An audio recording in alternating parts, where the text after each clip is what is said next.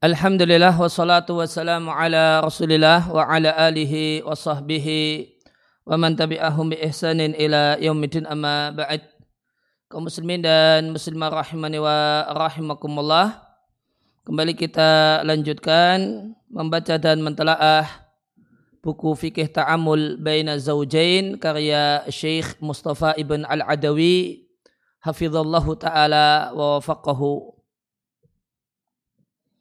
Selanjutnya disampaikan oleh penulis Faida dabat muskilatun jika mulai berjalan atau merangkak muskilatun problem di antara suami dan istri.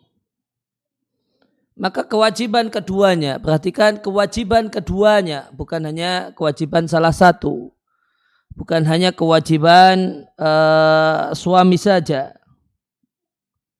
Namun kewajiban keduanya ini kewajiban bersama.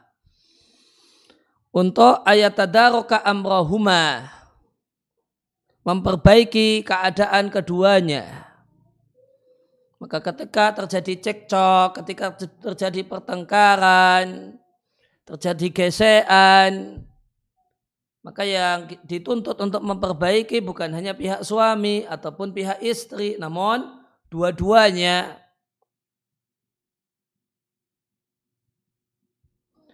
Ya, gimana cara memperbaikinya?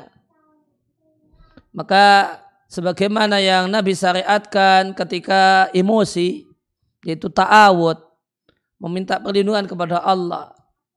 Karena ya, karena marah itu adalah datang dari setan dan obatnya adalah ta'awud minta perlindungan kepada Allah Subhanahu wa taala. Mengucapkan a'udzubillahi minasyaitonir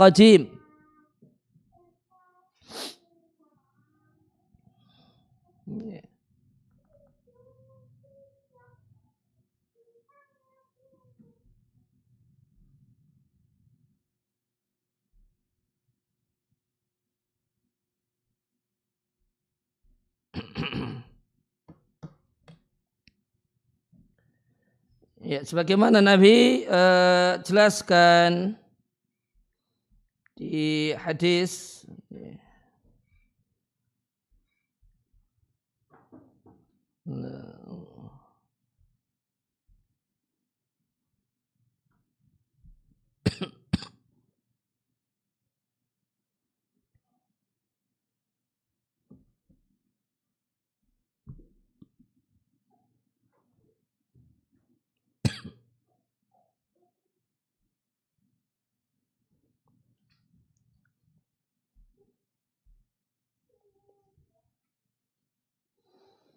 Ya, Nabi Shallallahu Alaihi Wasallam menyampaikan bahwasanya marah itu adalah bara api yang dimasukkan oleh setan kepada ke dalam hati manusia, ke dalam jantungnya.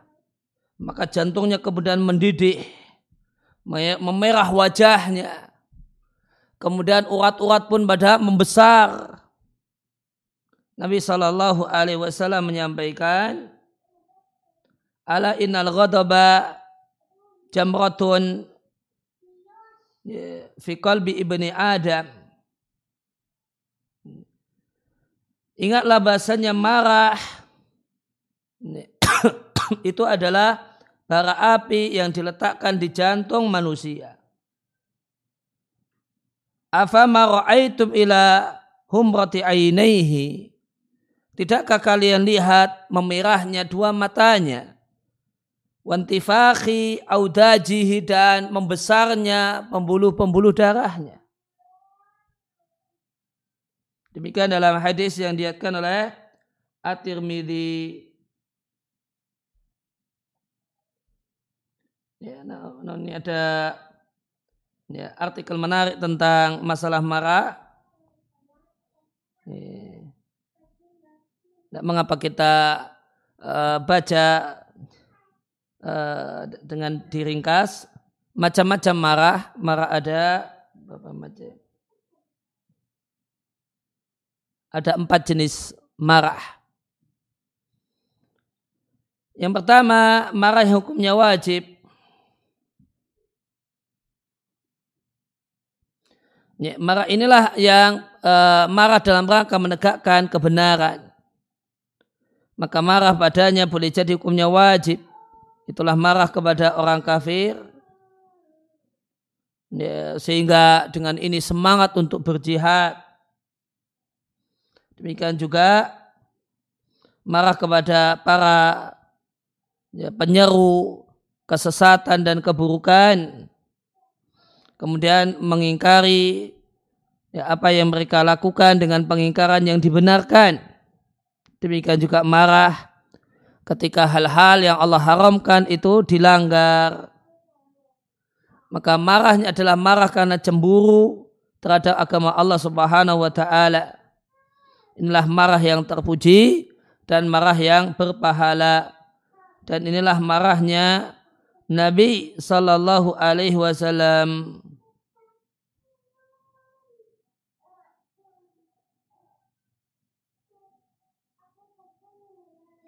Kemudian yang kedua, mandubun ilaihi, marah yang hukumnya dianjurkan.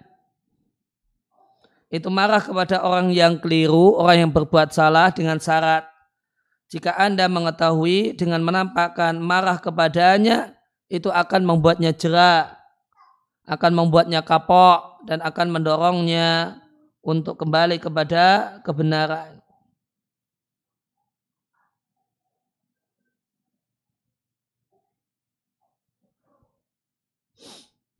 Nah, kemudian marah yang terlarang.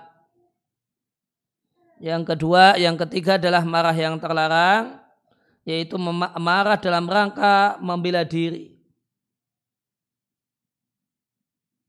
Maka ada seorang yang melakukan tindakan yang membuat kita marah, kemudian kita marah karena membela diri kita. Ini marah yang terlarang. Karena ada seorang yang bertanya pada Nabi Shallallahu Alaihi Wasallam, beri aku wasiat agar aku menjadi orang yang mulia beri aku wasiat agar aku menjadi orang yang baik.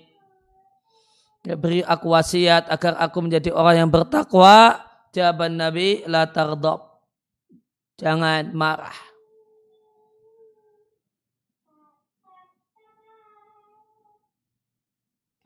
Kemudian yang keempat adalah marah yang normal, yang fitrah. maka marah itu sendiri seorang itu tidak kita tidak bisa mencegah kemunculannya. Ya, jangan jangan timbul, tidak tidak bisa. maka yang bisa dilakukan adalah mencegah hal-hal yang bisa menimbulkan amarah. Dilihatkan dari Al-Ahnab Ibn Qais, seorang yang paling lembut dan sulit marah di zaman tabi'in. Beliau mengatakan, Lastu bihalimin, akun bukalah seorang yang halim, seorang yang lembut, yang tidak bisa marah. Walakini atahalamu, namun aku adalah orang yang pura-pura dan berupaya untuk bisa lembut.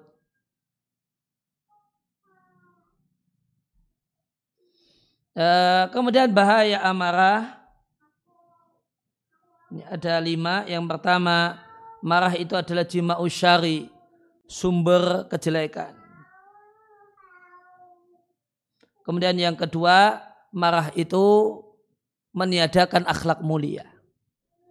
Karena orang yang berakhlak mulia adalah orang yang ya, tidak mudah marah. Orang yang berakhlak mulia adalah orang yang bisa mengendalikan diri saat marah Orang yang berakhlak mulia adalah bukanlah orang yang meledak-ledak ketika marah. Yang ngumpat ya, ketika dia marah, mencaci maki, sumpah serapah, nama-nama hewan keluar ketika marah. Bukan demikian orang yang berakhlak mulia.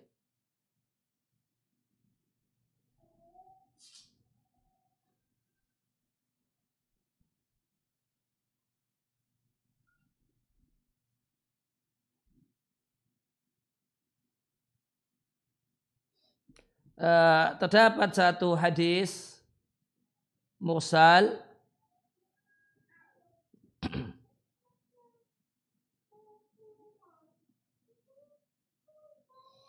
Nabi Shallallahu Alaihi Wasallam menyampaikan ada hadis yang mengatakan husnul khuluq wa alla taghdoba in istata'ta. Yang namanya akhlak mulia adalah Anda tidak emosi dan tidak marah-marah ketika Anda mampu. Selama Anda mampu untuk mengendalikannya. Jadi tidak marah kecuali betul-betul eh, ada hal yang memang membuat marah. Kemudian yang ketiga, marah, emosi itu sering kali menyebabkan kita mendapatkan murka Allah. Ya, karena ketika marah ada orang mencaci maki Allah, ada orang yang mencaci maki Islam. Ya, karena marah boleh jadi banting mushaf Al-Quran. Marah dan ya, boleh jadi sampai nginjak mushaf Al-Quran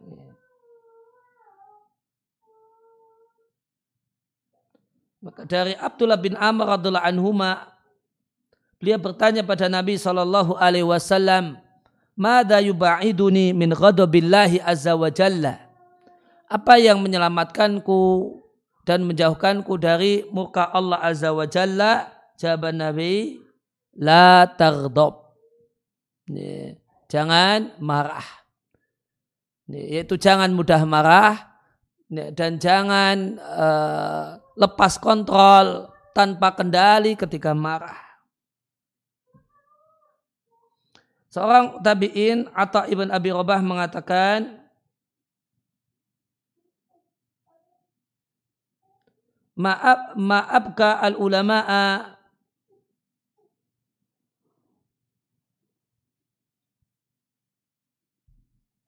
Tidaklah membuat menangis para ulama tangisan di akhir umur gara-gara satu amarah yang ada pada salah satu mereka lantas satu amarah tersebut ternyata menghancurkan bangunan yang telah dibangun 50 tahun lamanya atau 60 tahun lamanya. Atau 70 tahun lamanya. Ya karena demikian besar dosa yang dilakukan gara-gara amarah demikian besar penyesalan yang terjadi karena amarah. Kemudian yang keempat dampak buruk marah yang keempat adalah munculnya berbagai macam ucapan dan perbuatan yang haram. Ya, ada orang yang bunuh orang karena marah, mukul nempeleng orang karena marah, dan berbagai macam kezaliman itu sering kali terjadi saat emosi dan marah. Kemudian yang kelima, orang yang marah itu terlarang untuk me, e, berkomentar, menilai orang, apalagi orang yang bersengketa.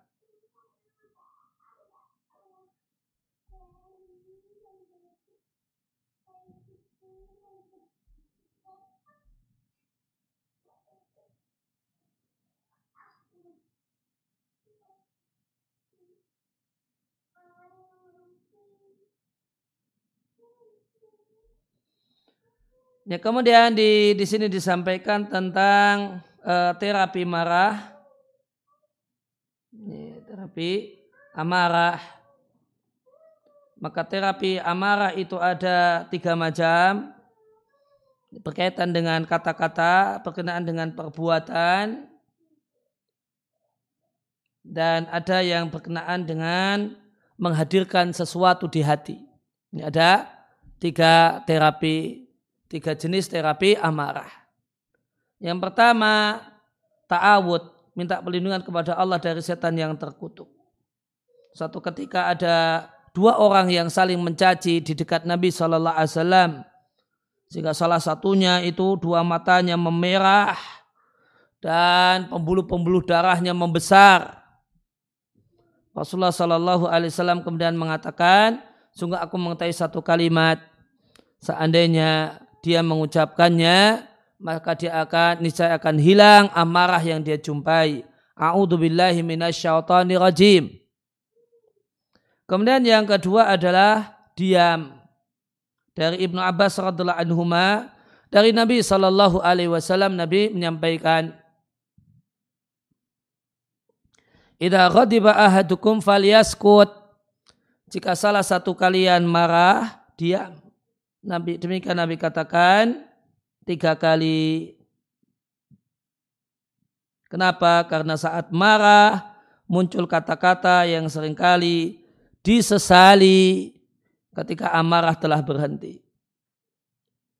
Kemudian terapi amarah yang jenis yang kedua yaitu berupa perbuatan. Yang pertama adalah ya, mengubah posisi dari Abu Dhar radhiallahu anhu Nabi Shallallahu alaihi wasallam bersabda jika salah satu kalian marah dalam keadaan berdiri, duduklah.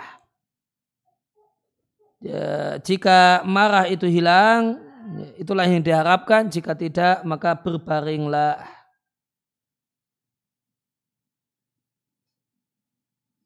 Ya, jangan dibalik. Marah sambil posisi marah sambil tiduran jadi duduk. Duduk jadi berdiri.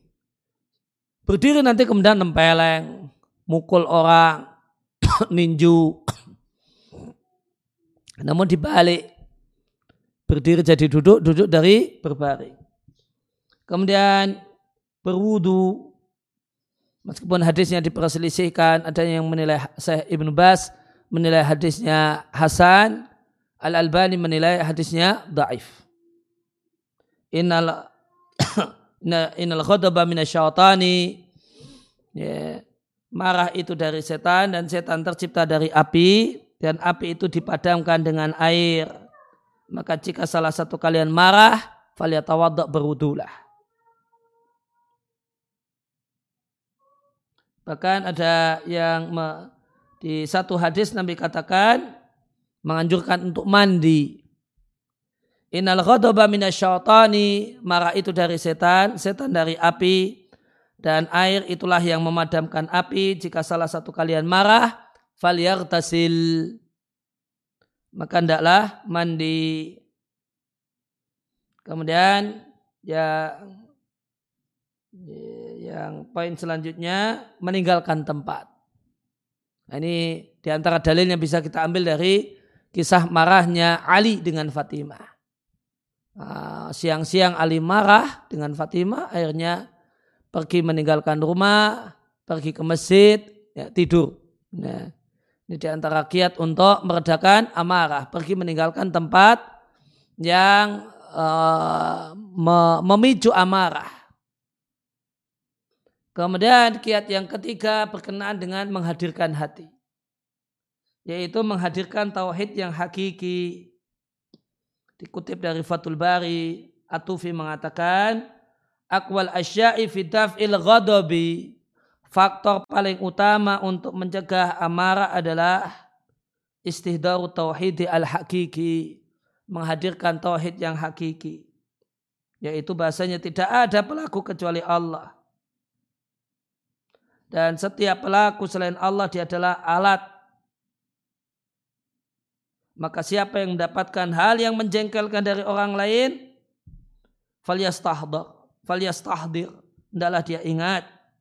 Bahasanya Allah seandainya Allah berkehendak, Allah tidak akan memberikan kesempatan bagi orang tersebut untuk menyakiti kita. Sehingga karena Allah kemudian mentakdirkannya, maka dia bisa menindas kita dengan ucapannya dan perbuatannya. Kemudian kita pun akhirnya jadi merenung, kita punya kesalahan apa? kepada Allah Subhanahu wa taala. Fa'a maka akan hilanglah marahnya.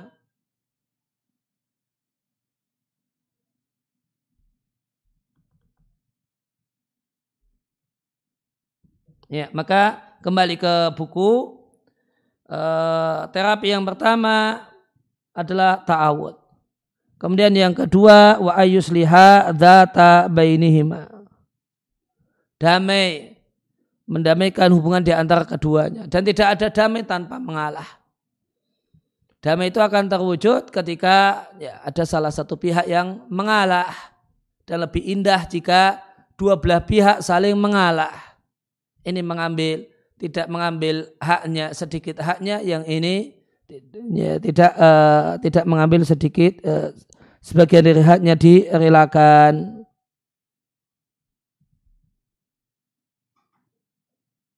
Kemudian yang ketiga wa ayyughliqa alaihima. Hendaklah dia tutup rapat-rapat ya, pintu dan hendaklah dia julurkan pada keduanya al-hijab penutup. Artinya selesaikan ya, berdua. Jangan dibawa keluar selama memungkinkan untuk bisa diselesaikan berdua dirembuk baik-baik berdua. Jadilah orang-orang yang jadilah uh, orang yang dewasa menyelesaikan problem bersama. Selama masih ada cinta, ya, selama ada cinta, maka pertengkaran suami istri itu seperti pertengkaran kakak beradik anak kecil. Ya, maka uh, kalau kita lihat, maka ketika lagi tengkar keduanya, wah, ya, semangat sekali ribut. Namun nanti tak lama setelah itu bisa rukun kembali. Demikian juga suami istri. Sepertinya tengkar, di awal pagi tengkar, nanti di ya, di sore harinya bisa hubungan suami istri. Oleh karena itu demikianlah keadaannya maka ketika tengkar maka tengkarlah sewajarnya, jangan berlebihan.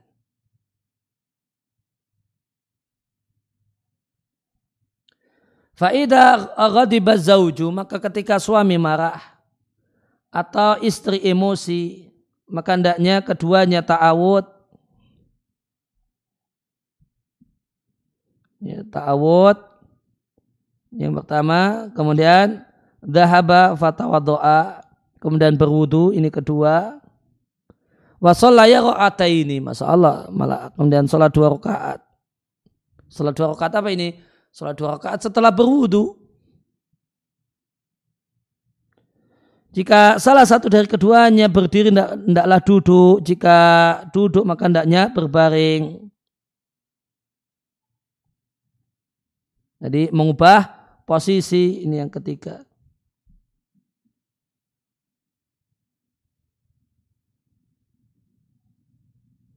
Kemudian yang keempat, nah ini yang cepat menyelesaikan masalah adalah uh, bil ahaduhuma alal akhar yang satu kemudian menghadapkan wajahnya kepada yang lain kemudian memeluknya. Ya, yang merasa uh, posisinya salah segera sadari, salah, peluk pasangan. Suami meluk istri atau istri meluk suami. Dia bikin jekan suaminya peluk suami ya, cium ya pipinya, dahinya dan seterusnya. Wa ya'tadiru ilaihi adalah dia minta maaf kepadanya jika memang dia melakukan kesalahan terhadap hak pasangan. Namun ya uh, hal ini harus diimbangi. Ini salah satu pihak segera meminta maaf, maka yang yang dimintai maaf juga segera membuka hati. Waliyafu waliyasfah liwajihillahi tidaklah yang dimintai maaf memaafkan secara lahiriah. Kemudian waliyasfah bahkan memaafkan secara batin batiniah. Karena Allah Subhanahu wa taala. Maka insya Allah nyaman sekali keluarga ini namun kalau yang salah sulit minta maaf atau yang salah mudah untuk minta maaf, namun yang di, dimintai maaf tidak mau memaafkan. Ya, maka tidak jadi peluan hangat tadi nggak jadi, nggak jadi hangat. Ya. Kenapa? Karena ya, misalnya istrinya dipeluk oleh suami, suami minta maaf, nah, istrinya mengatakan nggak mau. Nah, ya maka suasana yang yang mau dibangun jadinya gagal. Demikian juga sebaliknya. Istri meluk suaminya kemudian minta maaf, minta maaf mas, maaf. Ya, tolong maafkan aku. Kemudian suaminya mengatakan, ya, bolak balik minta maaf. Tidak ada perubahan. Nggak mau aku memaafkan. Nah, sudah. Nanti suasananya nggak jadi ya, gagal ter, terwujud dan terbangun. Maka suasana akan berhasil ketika ini diimbangi. Yang satu segera minta maaf, yang satu segera membuka hati untuk memaafkan. Ini maka uh, trik yang keempat adalah ya meminta maaf, pakai peluk dan seterusnya.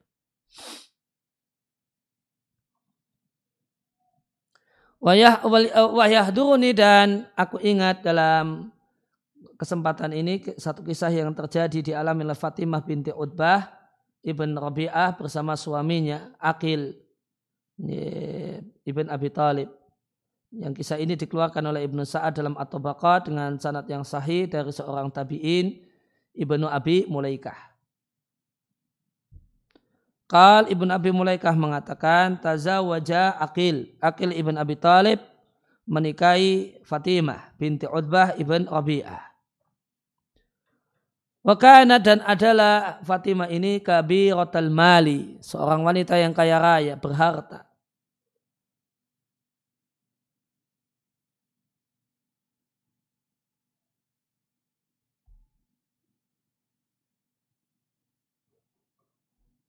Dan ini menarik, ini ada perjanjian pernikahannya. Fakalat Fatimah mengatakan, Atazawwaju bika aku menikah denganmu, ala dengan perjanjian. Antat manali, engkau jamin untukku, engkau beri jaminan untukku. Apa jaminannya? Catatan kaki. La tatazawwaju alayya, engkau tidak mempoligami diriku. Nah, jadi ternyata ada sudah kita jumpai praktek perjanjian pernikahan tidak mau dipoligami di masa silam. Ya. Jamin ya, engkau tidak mempoligami diriku, kemudian wa aku mu'ana bil infaqi alik.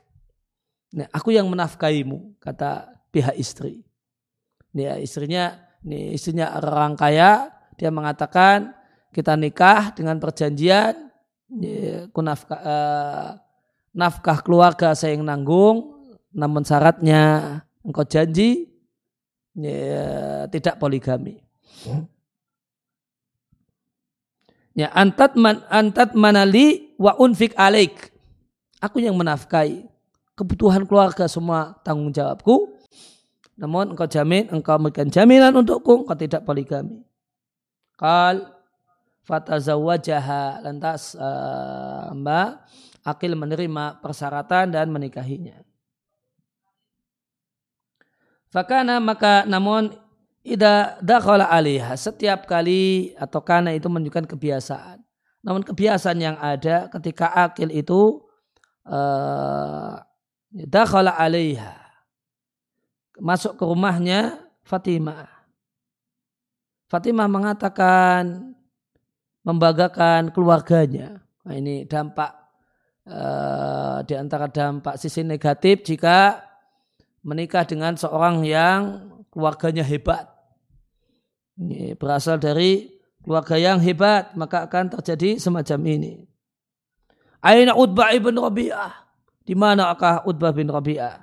Di manakah Syaibah ibn Rabi'ah? Ya, nama-nama kerabatnya. Dia Fatimah binti Utbah bin Rabi'ah. Ketika dia Aina Utbah bin Rabi'ah berarti uh, dia banggakan ayahnya. Dia banggakan juga pamannya. Aina Syaibah ibn Rabi'ah. Qal kata Ibnu Abi Mulaika, fadakhala yauman. Satu ketika Akil itu pulang wa wabarima dan Akil ini lagi ya, lagi bete gitu ya. Lagi enggak nyaman. Nah dalam keadaan demikian istrinya seperti biasanya mengatakan Aina Utbah ibn Rabi'ah, Aina Syaiba ibn Rabi'ah. Akhirnya suaminya yang lagi jengkel mengatakan ala yasari kaida dakhalti an-nara. Ada di sebelah kirimu jika engkau masuk neraka. Dan dua orang nama yang disebutkan ini telah meninggal dunia dalam keadaan kafir.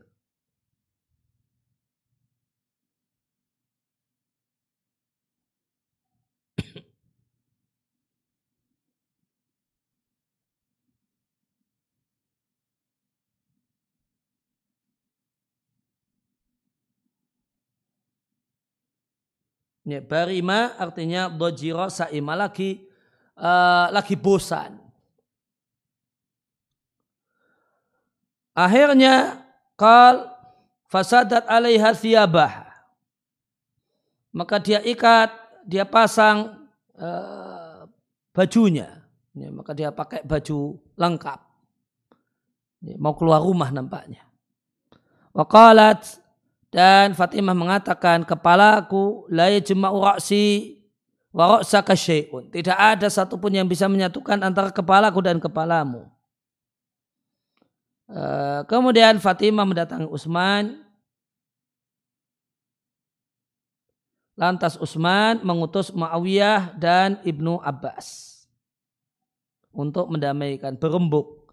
Ibnu Abbas mengatakan, oleh demi Allah aku akan pisahkan keduanya. Sedangkan Muawiyah mengatakan aku tidak mau memisahkan dua tokoh dari keturunan Abdul Manaf.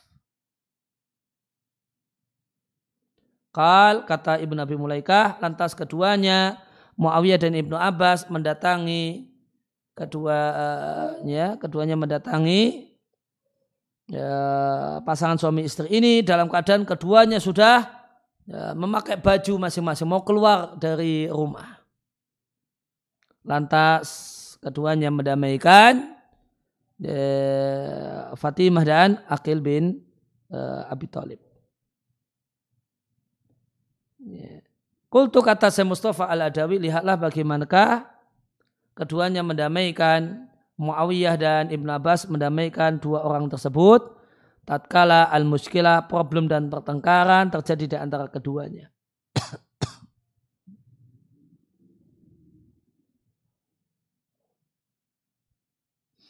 Dan keduanya tidak membutuhkan adanya dua wasit.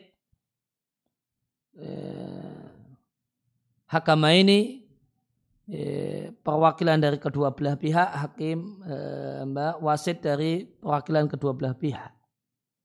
Keduanya aghlaqa alihima babahuma. Nah, sudah, sudah, ini kita rembuk keluarga saja.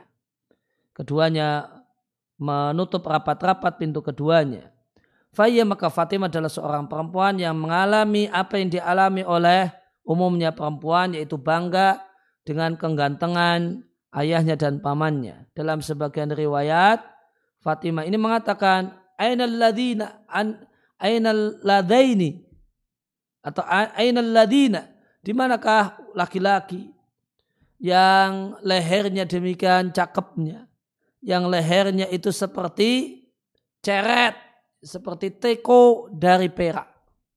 Ya, artinya lahirnya bagus dan indah. Wahua dan Akil bin Abi Talib adalah seorang yang sabar mendengar perkataannya hari demi hari. Thumma yaumun kemudian tibalah satu hari ya, dalam keadaan uh, Akil ini murhakun, mut'abun, capek, dojirun, sedang bosan, lagi bete. Lantas istrinya mengatakan, Aina Utbah ibn Rabi'ah. Akhirnya sang suami mengatakan kepada istrinya perkataannya, di sebelah kirimu jika engkau masuk neraka. Akhirnya si Fatimah ini memakai pakaiannya, watat dan pergi menghadap Amirul Mukminin Utsman radhiallahu anhu. Akhirnya keduanya Utsman mengutus uh, juru runding, dua juru runding dan juru damai. Namun ternyata belumlah keduanya sampai dua juru runding ini belum sampai ke rumah Fatimah dan Akil kecuali ternyata wakat istolahat Fatimah tuma'a Akilin. Ternyata Fatimah sudah damai dengan suaminya.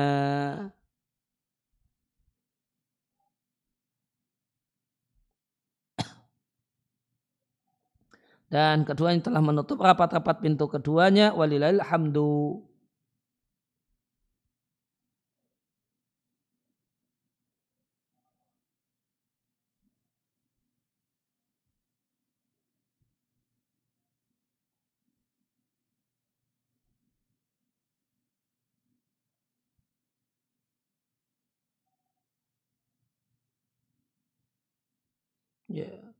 Ya. Murhak bacanya mut'ab artinya capek. Jadi tadi bacanya murhak. Ini semakna dengan mut'ab.